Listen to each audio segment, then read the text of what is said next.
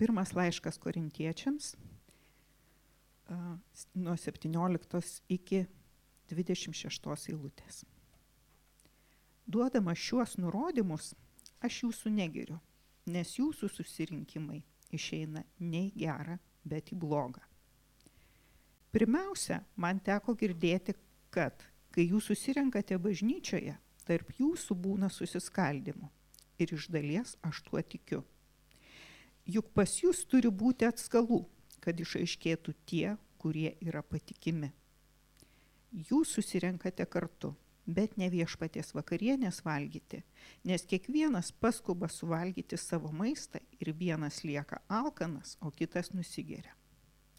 Argi neturite savo namų valgyti ir gerti?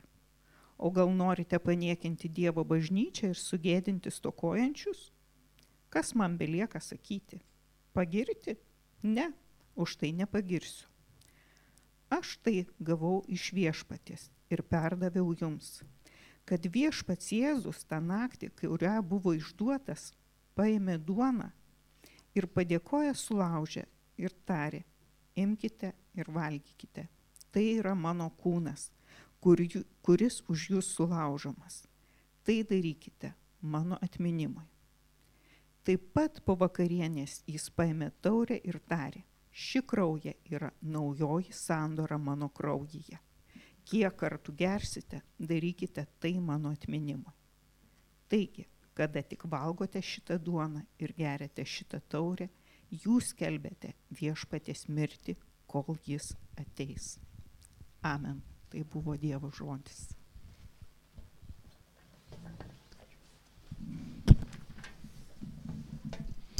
Labas rytas, norėjau sakyti prisėskit, bet jūs jau spėjote atsisėsti. Tai džiugu.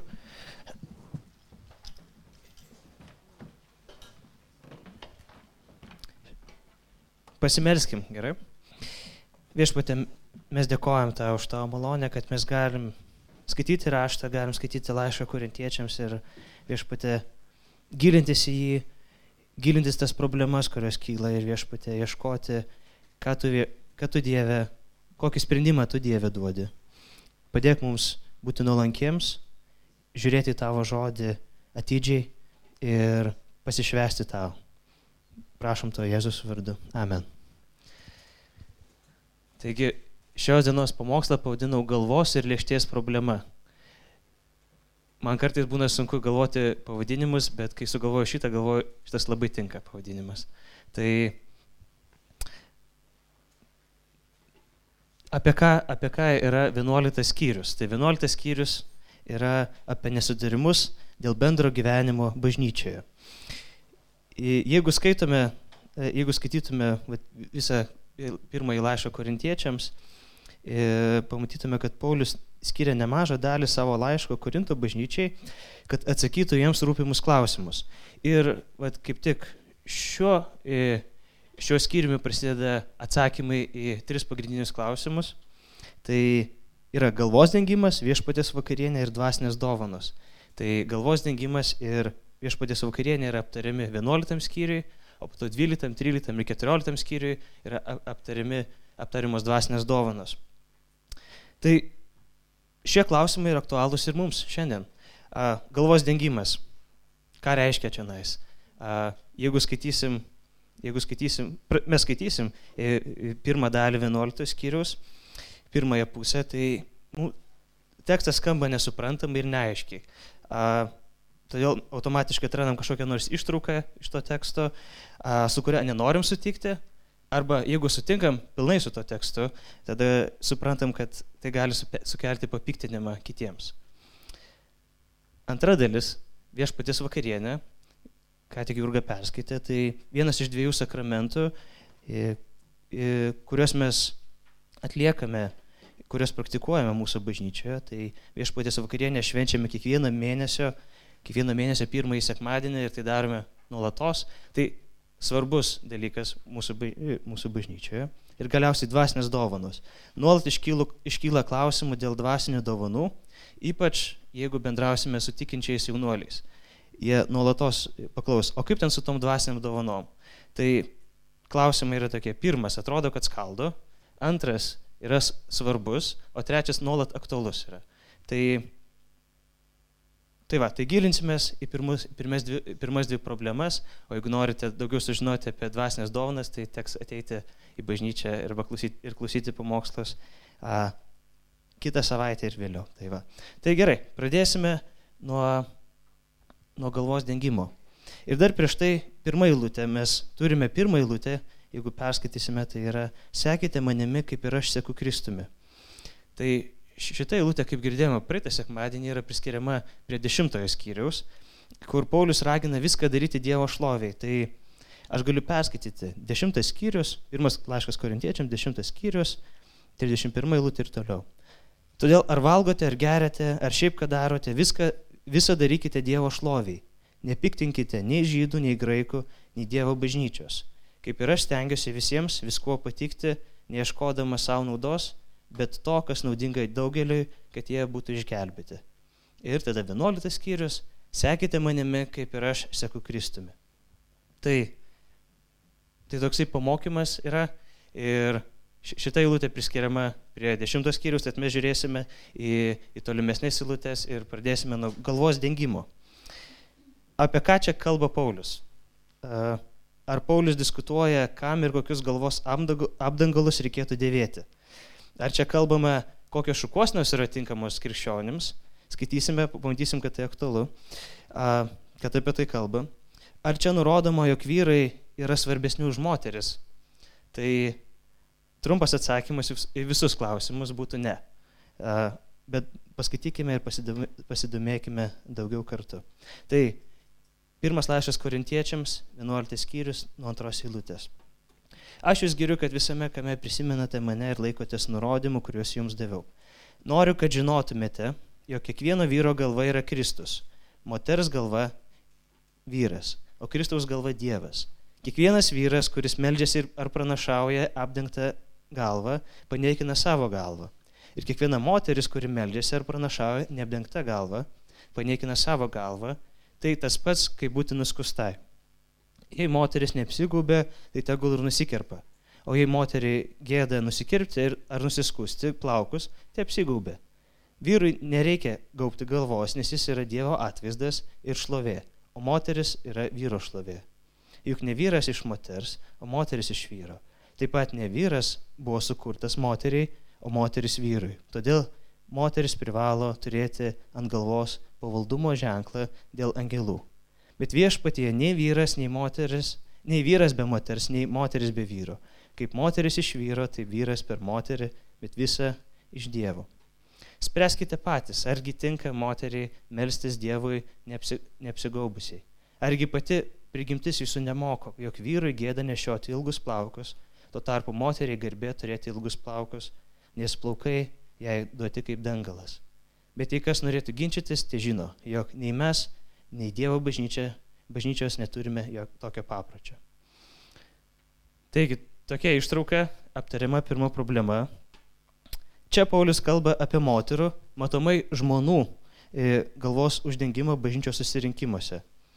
Atidengdamas galvas, žmonos atneša gėdą savo vyrams ir tai nėra deramas elgesys santokoje. Taigi, kas yra galva? Kiekvieno vyro galva yra Kristus, moters galva yra vyras, Kristaus galva yra Dievas.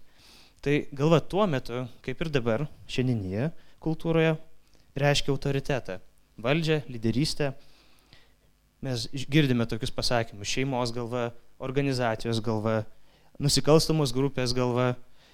Visi šie pavyzdžiai rodo, kad kas yra galva, tas yra prieš akiją, tas veda ir turi autoritetą kitiems grupės nariams. Paulius rašo, kad Kristus galva yra Dievas tėvas ir kaip tai veikia. Žinome, jog Dievas yra vienas trijose asmenyse. Asmenys yra Dievas tėvas, Dievas sunus ir Dievas šventojo dvasia.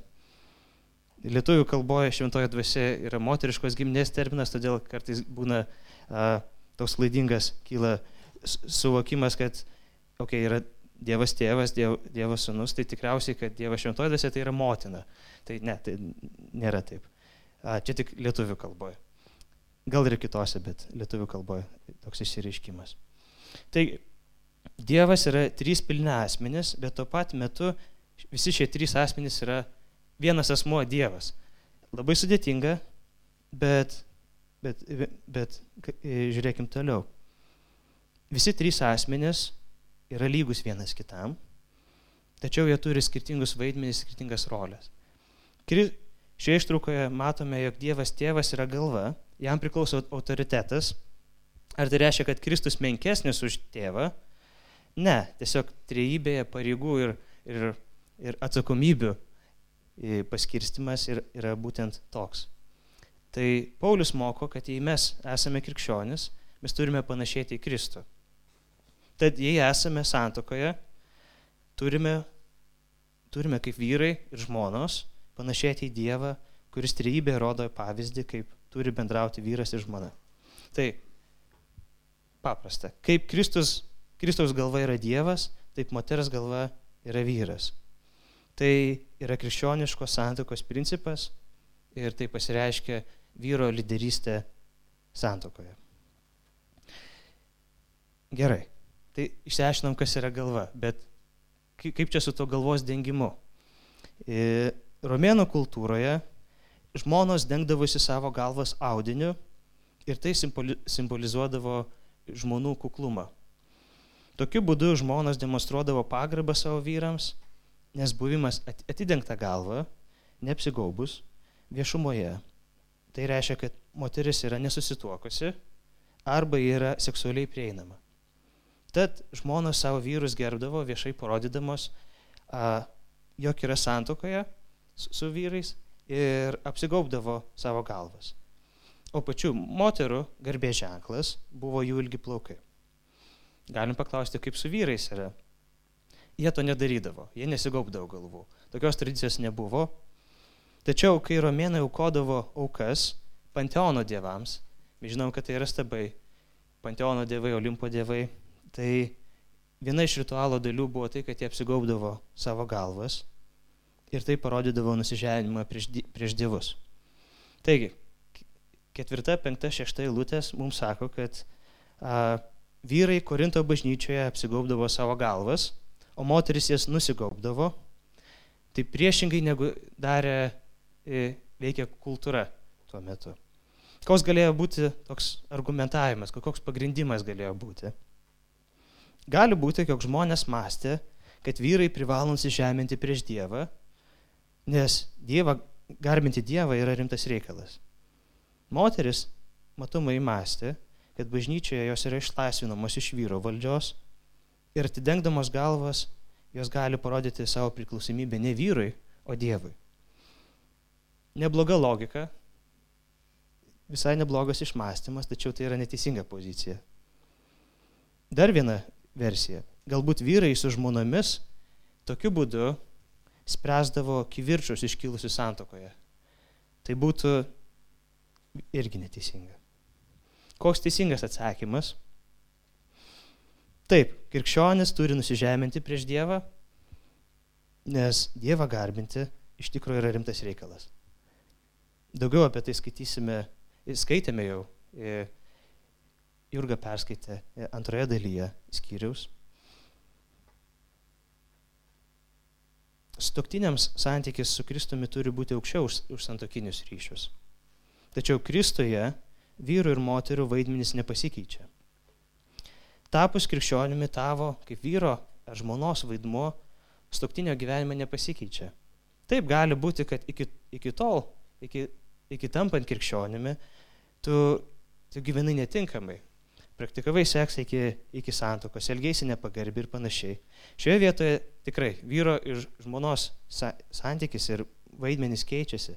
Tačiau Dievas sukūrė vyrą ir moterį, jie yra jo kūriniai ir per santykį su Kristumi krikščionių gyvenimai yra atstatomi. Krikščionių gyvenimai yra atnaujinimi tam, kad išpildytų Dievo paskirtus vaidmenys jų gyvenimuose. Tai ką reiškia?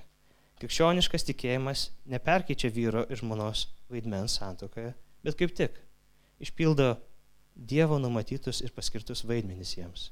Todėl, jei esi santokoje, jei esate santokoje, jūs su sutoktiniu esate vienodai lygus, vienodai vertingi, bet kaip ir trejybėje, jūs turite skirtingus vaidmenis, skirtingas pareigas ir skirtingas atsakomybės.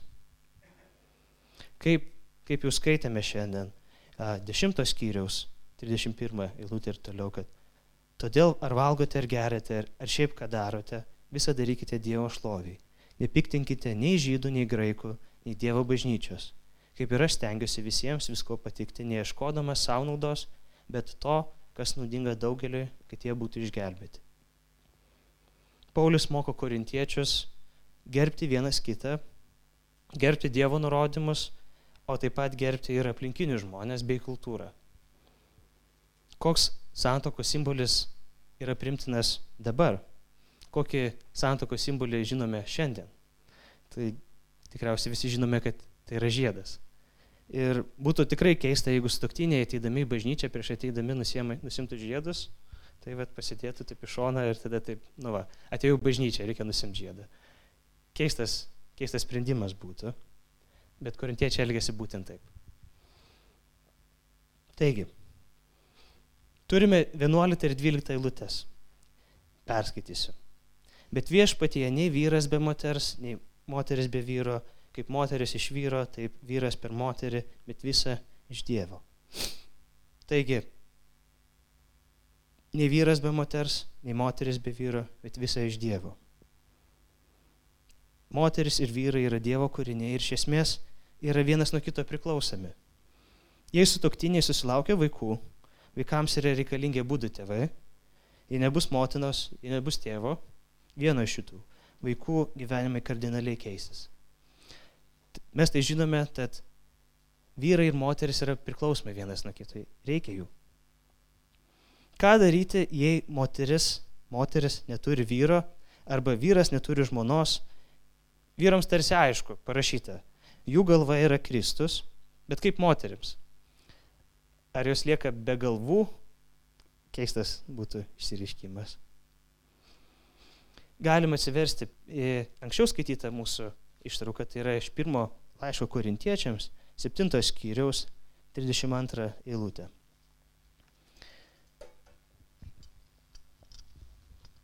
Pirmas laiškas korintiečiams 7, 32 eilutė.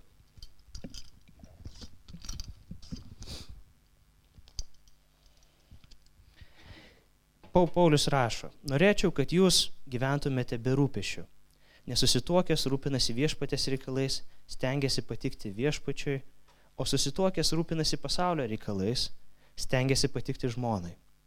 Yra skirtumas tarp žmonos ir mergaitės. Netikėjusi moteris rūpinasi viešpatės reikalais, kad būtų šventa kūnu ir dvasia. O ištekėjusi rūpinasi pasaulio reikalais, kaip patikti vyrui. Tai tokia ištrauka Pauliaus nuomonė yra geriau nesituokti, nei tuoktis. Nes susituokęs rūpinasi pasaulio reikalais, stengiasi patikti žmonai arba vyrui, o nesusituokęs rūpinasi viešpatės reikalais, kad būtų šventas kūnu ir dvasia. Taigi, atsakymas į klausimą, ar ką daryti, jei neturi stoktinio, ar tu netenki galvos, tai ne. Jei tu neturi sutiktinio, neturi vyro žmonos, tai tavo galva bet kokiu atveju yra Kristus. Taigi, judėkime toliau. Turime, turime 13 ir 14, 14 ir 15 eilutės. Eilutės kalba taip. Argi pati prigimtis jūsų nemoko jog vyrui gėda nešioti ilgus plaukus. Tuo tarpu moteriai garbė turėti ilgus plaukus, nes plaukai jai duoti kaip dangalas. Pagal prigimti, taip sako Paulius, mes žinome, kad kaip dera atrodyti vyrui ir moteriai. Kultūra keičiasi, stiliai, e, mados taip pat keičiasi. Tuo metu buvo labai aišku, kad vyrui nešioti ilgus plaukus yra gėda, o moteriai gėda būti su trumpais plaukais arba iš viso be plaukų. Šiandien situacija kiek kitokia ir, ir plaukų ilgis praktiškai nebėra siejamas su, su vyriškumu ar, ar moteriškumu. Vyrai užsiaugina plaukus, moteris nusiskuta galvas ir kultūra tai priima kaip savo stiliaus išraiškos būdą. Toks linijų va, tokių va, linijų e, sunikimas iš dalies atrodo geras derinys. Kiekvienas gali laisvai išreikšti save, gali parodyti pasauliu, ką jis masto. Niekas dėl to nepyksta, o jeigu ir atsiranda, kam tokia mada nepatinka, tai nieko nereiškia, nes su interneto pagalba gali atrasti daugybę žmonių, kuriems tu tiesiog patiksi. Tačiau linijų panaikinimas turi ir blogąją pusę. Kaip kalbėjome, Kristuje vyrai ir moteris neturi išsiginti turimo vaidmens. Tai Kristuje vyrai neturi išsiginti, kad jie yra vyrai. Taip pat ir moteris neturi išsiginti, kad jos yra moteris. Kaip tik, Kristuje ir vyrai, ir moteris gali išpildyti tai, kokie jie buvo sutverti Dievo. Stevenas Vedžvortas, pastorius iš Kanados, e, straipsnėje savo rašo, Paulius tiki, kad viešumoje turėtume pasirodyti taip, kaip esame pašaukti, kaip apibrėžė Dievas. Turėtume atrodyti tokie, kokie esame. Socialinėje aplinkoje mūsų viešas prisistatymas turėtų būti valdomas nuolankumo, paklusnumo ir nusaikumo. Paulius teigia, kad neturėtume būti provokuojantis ar revoliucingi, o stengtis išlaikyti tai, kas tinka ir yra tinkama. Tai, jei Dievas tave sukūrė vyru, būk vyru. Jei Dievas tave sukūrė moterimi, tai ir būk moterimi. Paulius ragina nesimaišyti. Net jei ir kultūra spaustų, Paulius ragina išlikti tuo, kuo Dievas tau paskyrė būti. Tad jei esi vyras, renkis vyriškai, būk lyderis, jausk atsakomybę ne tik už save, bet ir už tuos, kuriuos vedi. Jei esi moteris, renkis moteriškai, elkis moteriškai, palaikyk savo vyrą, priimk jo lyderystę ir gerbk jį. Toks yra Paulius pamokymas Korinto bažnyčiai su tikslu, kad bažnyčios nariai primtų krikščioniško elgesio principus. Taigi, turime galvos problemą, atrodo, kad ją išsprendėme. Judėkime toliau. Viešpatės vakarienė. Skaitėme šią, e, šią ištrauką. Čia Paulius komentuoja Korinto bažnyčioje esantį tokį socialinį snobizmą. Čia ne apie e, LNK snobo naktis kalbame, bet apie, apie reiškinį, kai žiūrima iš aukšto į kitus. Viešpatės vakarienės metu korintiečiai skirstėsi į turtingus ir vargštus, vargšus ir taip šventė viešpatės vakarienę. Taigi, perskaitykime 19 eilutę. 18 ir 19. Pirmiausia, man teko girdėti, kad kai jūs susirenkate bažnyčioje, tarp jūsų būna susiskaldimo. Ir iš dalies aš to tikiu. Juk pas jūs turi būti atskolų, kad išaiškėtų tie, kurie yra patikimi. Taigi, Paulius kalba apie susiskaldimus bažnyčioje ir teigia, kad turi būti susiskaldimai. Dievas leidžia susiskaldimams įvykti, kad laikui bėgant paaiškėtų, kas iš tikrųjų priklauso Dievui. Sudėtinga, ką reiškia. Šiandien vyks pasaulio futbolo čempionato finalinės varžybos. Gerai. Kai treneris subūrė komandą, pakviečia kiekvieną žaidėją asmeniškai, sudėlioja planus kiekvienam žaidėjui ir bendrai sudėlioja planus visai komandai. Treneris taip paruošia komandą varžyboms. Tačiau iki galo niekad taip ir nebūna aišku, ar ši komanda gerai susižais. Ar ši komanda sugebės dirbti kartu ir ar ši komanda patikės, pasitikės trenerio vedimu. Ar šita komanda kai bus sunku, atiduos viską, kad laimėtų. Panašiai ir krikščionio gyvenime. Iš kur sužinoti, iš kur sužinoti, ar esi patikimas? Iš kur sužinoti, ar esi ištikimas? Iš kur sužinoti, ar nepabėgsi, kai bus sunku? To niekad nesu, nesužinosi, jei nebus sunkumų. Kai bus sudėtinga pasirinkti, kai bus sunku, tu pasielgsi taip, koks tu iš tikrųjų esi. Gali būti, kad suklysi, tačiau žinosi, jog, jog šitoje situacijoje tu pasirinkai netinkamai. Tam bažnyčioje susiskaldimai ir egzistuoja. Teoriškai mes galim aptarti daugą, galim gyve, bet galim gyventi visiškai priešingą gyvenimo būdą. Ar dabar tai reiškia, kad mes turim sąmoningai skaldytis ir priešintis? Ne, tai būtų visiškai neprotinga. Verčiau mes turėtume nebijoti susiskaldimų bažnyčioje Nes visuomet egzistuos įtampa tarp to, ką moko Evangelija ir tarp to, kaip mes gyvename kasdien. Taigi, nebijokime susiskaldimu. 20, 21 ir 22 eilutėje matome egocentrišką kitų nepaisimą. Turtingieji turi tiek daug, kad atėję į bažnyčią pasigeria, o tuo tarpu kiti turi tiek mažai, jog lieka alkani arba visiškai nieko neturi. Romėnų visuomenė buvo socialiai sloksniuota. Ką reiškia? Jei esi turtingas, tai tu valgai gerą maistą, geri, geri, gerus gėrimus, bendrauji, rengiesi gerai, bendrauji su tokiais pat turtingais ir gerais žmonėmis. Ir atvirkščiai, jei tu esi vargšas, tu valgysi prastą maistą, maistą gersi prastą gėrimą, rengsies prastai ir bendrausi tokiais pat vargšais. Turtingi ir vargšai. Patricijai ir plebėjai. Tokia kultūra persikėlė ir į bažnyčią. Turtingi žmonės atsineždavo daug maisto, skupėdavo kuo greičiau jį suvalgyti ir taip vienas likdavo alkanas, o kitas nusigerdavo. Taip Korinto bažnyčia rinkdavosi švęsti viešpatės vakarienę. Iš Pauliaus e, e, e, laiško matome, kad tai nėra tinkamas viešpatės vakarienės šventimo būdas. Taigi, pažiūrėkime, kokia yra tikroji viešpatės vakarienė. 23 eilutė iki 23 iki 26 eilutės perskaitykime. Aš tai gavau iš viešpatės ir perdaviau jums, kad viešpats Jėzus tą naktį, kurią buvo išduotas, paėmė duoną ir padėkojęs sulaužė ir tarė, imkite ir valgykite, tai yra mano kūnas, kuris už jūs sulaužamas. Tai darykite mano atminimui. Taip pat po vakarienės jis paėmė taurę ir tarė, ši taurė yra naujoji sandora mano kraujyje. Kiek kartų gersite, darykite tai mano atminimui. Taigi, kada tik valgote šitą duoną ir geriate šitą taurę, jūs kelbėte viešpatės mirtį, kol jis ateis.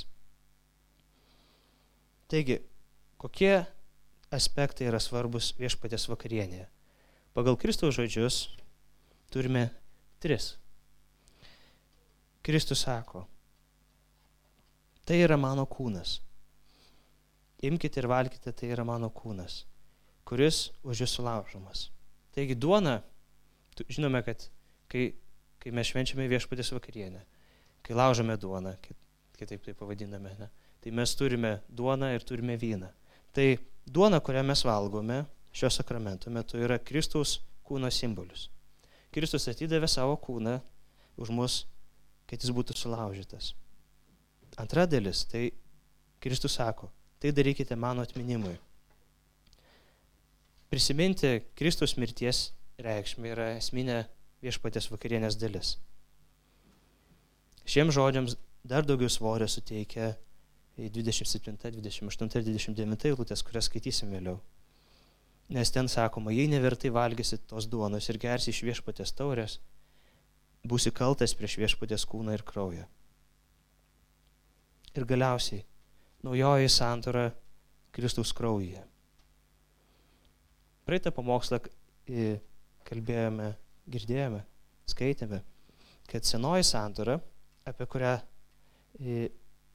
apie kurią dar paskaitysime, kad buvo, senoji sandora buvo nuolat Izraelio tautos sulaužoma. Kaip parašyta dešimtos skyrius pirmose šešiose eilutėse, aš nenoriu, kad liktumėte nežinioje, broliai. Visi mūsų tėvai buvo po debesim ir visi perėjo jūrą. Ir visi buvo pakrikštyti į Mozę, debesyje ir jūroje visi valgė tą patį dvasinį maistą ir visi gėrė tą patį dvasinį gėrimą. Jie gėrė iš dvasinės jos lydinčios olos, o ta ola buvo Kristus. Vis dėlto daugumas iš jų nepatiko Dievui ir jų kūnai liko gulėti dikumoje. Tie įvykiai yra mums pavyzdžiai, kad negeistume blogio, kaip anie geidė. Taigi matome, kad senoji sandora buvo nuolat sulaužoma. Tačiau naujoji sandora Kristaus kraujyje jos neįmanoma sulaužyti. Kristus, Kristaus kraujas suteikia visišką nuodėmių atleidimą Dievo vaikams. Galima atsiversti laiško romiečiams trečią skyrių 25 eilutė. Laiškas romiečiams, trečias skyrius 25 eilutė.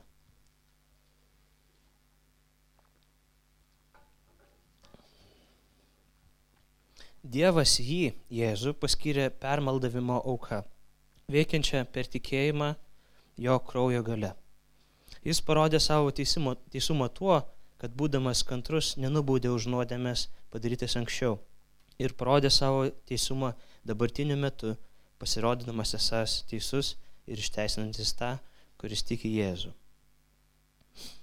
Taigi, matome, kad patikint Kristumi patikinti tuo, kad Kristus savo krauju nuvalo mūsų nuodėmės, mes tampame jo vaikais ir tampame tos naujosios sandoros dalimi. Kas būna, jeigu mes nuvertiname Kristaus auką? Paskaitykime 27-29 eilutės. Todėl, kas nevertai valgo tos duonos ir geria iš viešpatės taurės, tas bus kaltas prieš viešpatės kūną ir kraują. Tai išteria žmogus pats save ir, ir tada te valgo tos duonos ir te geria iš tos taurės. Nes kas valgo ir geria nevertai viešpatės kūną neišskirdamas, tas valgo ir geria savo pasmerkimą.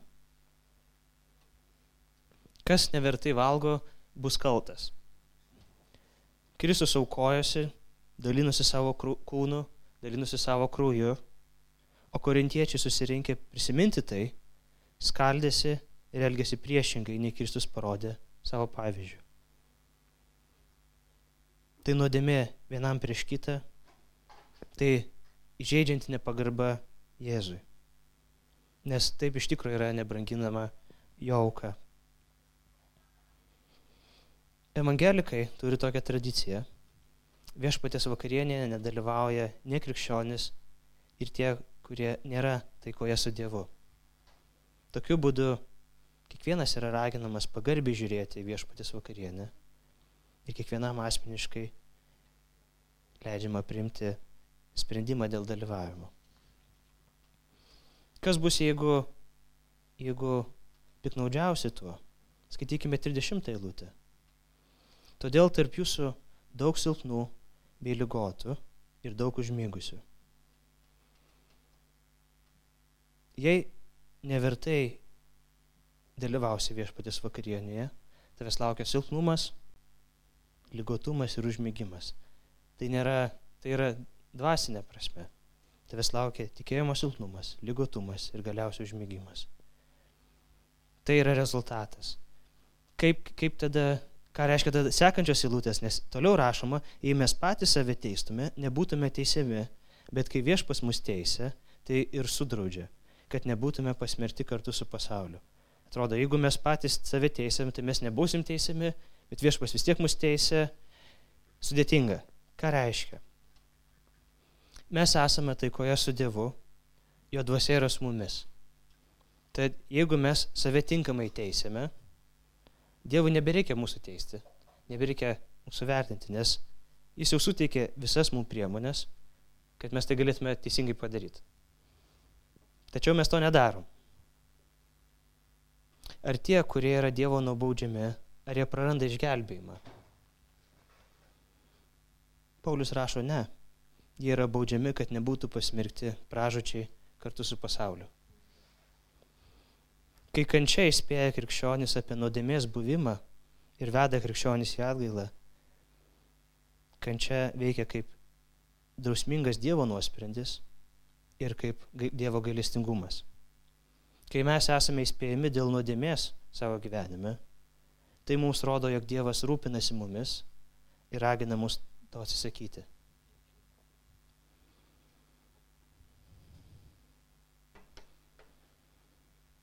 Galiausiai turime praktišką Paulius apibendrinimą dėl bendro valgymo bažnyčioje. Todėl, mano broliai, kai susirenkate valgyti, palaukite vieni kitų. O jeigu kas išalkęs, te pavalgo namie, kad nesirinktumėte pasmerkimui. Kitus reikalus sutvarkysiu atvykęs. Taigi, trys, trys praktiniai apibendrinimai iš šitų dviejų lūčių. Pirmas tai yra palaukite vieni kitų. Paprasta, elementaru, bet tai ne tik gražios manieros. Palaukdami kitų, mes rodome meilę kitam. Prieš apsispręsdami palaukti tų, tų kitų, mes tiesiog rodome, jog mes mylime ir norime, jog neliktų alkani. Paprasta, elementaru, bet tai parodo meilę. Antra, jei esi išalkęs, tai pavalgyk namie. Kitaip tariant, nesukiaulėk. Jei jau labai nori valgyti, tai pavalgyk namie. Bažnyčioje skirk laiką patarnauti kitiems, o ne prisiryti. Trečias, nesirinkite pasmerkimui arba nesusirinkite pasmerkimui. Atrodo visai nedidelis savanaudiškumas prie stalo Korinto bažnyčia privedė prie to, jog Dievas baudė juos už tokį elgesį. Ar buvo verta? Taigi, ko galim pasimokyti mes? Kuo tai gali, kuo šis skyrius mums svarbus? Tai visų pirma, atrask ramybę tame, koks esi sukurtas. Tai jei esi vyras, būk vyras. Jei esi moteris, būk moteris. Jei turi sutoktinį, gerb savo sutoktinę. Jei esi vyras santokoje, prisimk lyderio vaidmenį, nebūk pasivus, bet prisimk atsakomybę ir ves savo šeimą link Kristaus. Būk kaip tėvas Kristui. Jei esi žmona, prisimk sėkėjo ir palaikytojo vaidmenį, nebūk pasivi, bet paklūk savo vyrui, palaikyk ir gerbk jį. Būk kaip Kristus tėvai. Antras pamokymas yra įvertink papročius ir kultūrą aplink. Kultūra nuolatos kinta, todėl vertink ją ne savo jausmais, ne savo pomėgiais, o krikščioniškais principais. Krikščioniškais kuklumo ir nuolankumo principais. Dažnai gali tekti atsisakyti bei atsiriboti nuo tam tikrų kultūros pasiriškimų. Tačiau, kaip skaitėme, praeitame skyriuje, ne viskas yra naudinga ir ne viskas ugdo. Tad jei kultūra ir papročiai veda priešingą kryptimį nei raštas, atsiribok nuo jų. Trečia. Vertink ir rimtai žiūrėk į viešpadės vakarienę. Valgydamas duoną ir gerdamas iš taurės, tu šventi Kristus mirtį. Tai darydamas tu prisimeni šios mirties reikšmę. Nesielg priešingai nesumenkink Kristaus aukos, bet gerbk ją. Ketvirta, nebūk snobas. Nežiūrėk iš aukšto ir neniekink bažnyčios namiškių. Tu esi pašauktas Dievo mylėti savo artimus, tad mylėk juos ir rodyk tai savo darbais. Galiausiai, jei jautiesi, kad tikėjimėsi susilpnėjęs, pasiligojęs ar užmygęs, o gal niekad ir netikėjai, Kristus tavęs laukia. Viešpats mus teisė ir sudraudžia, kad nebūtume pasmerkti kartu su pasauliu. Jei matai, kad tavo gyvenime yra dalykų, kurių tu nenorėtum turėti, jei ne per sunkumus, jei nesijauti ramus, greškis į viešpatį. Po savaitės švesime Kristaus gimimą. Kristus nužengė šią žemę tam, kad būtų tobula auka už mūsų nuodėmes. Kristus pasiaukojo Jis paukoja savo gyvybę dėl tavęs ir per pralietą jo kraują tu gali būti apvalytas nuo visų savo nuodėmių. Kaip skaitėme iš laško romiečiams, patikėdamas, kad Kristus mirė už tave ir taip apvalė tavo nuodėmės, tu gali būti išgelbėtas. Tad ko laukia? Melskis, atgailauk ir patikėk Evangeliją. Taigi, galime pasimelsti. Viešpatė, mes dėkojam tau, už tavo malonę dėkojam tau, kad mes, kad mes viešpatė pažįstame tave, kad mes turime privilegiją, turime garbę pažinti tavo Evangeliją, tavo gerą naujieną, kuri gelbsti mus Dieve. Prašom, kad tu sustiprintum mus, kiekvieną, kad tu Sustiprintum kiekvieną, kuris yra silpnas, kiekvieną, kuris yra pasiligojęs, kiekvieną, kuris yra užmygęs, arba kuris net netiki tavimi Dieve. Meldžiam, kad tu prisiliestum, kad tu veiktum jų širdyse. Mūsų širdyse, Dieve. Kad mes grėžtumėmės į tave, kad mes pasišvestume gyventi tau, Dieve. Meldžiam, kad kraujas, tavo kraujas, Dieve, pralietas už mus, kad jis apvalytų mūsų nuodėmės, kad atnaujintų mus. Ne tam, kad mes kažkaip išsigimtume, bet kad išpildytume tą planą, tą dizainą, kurį tu Dieve mums davėjai. Kad mes būtume vyrais, būtume moterimis, būtume gerais toktiniais, kad viešpatė mes gerbtume vienas kitą, kad mylėtume savo brolius ir seseris. Melžiam to Jėzus vardu. Amen.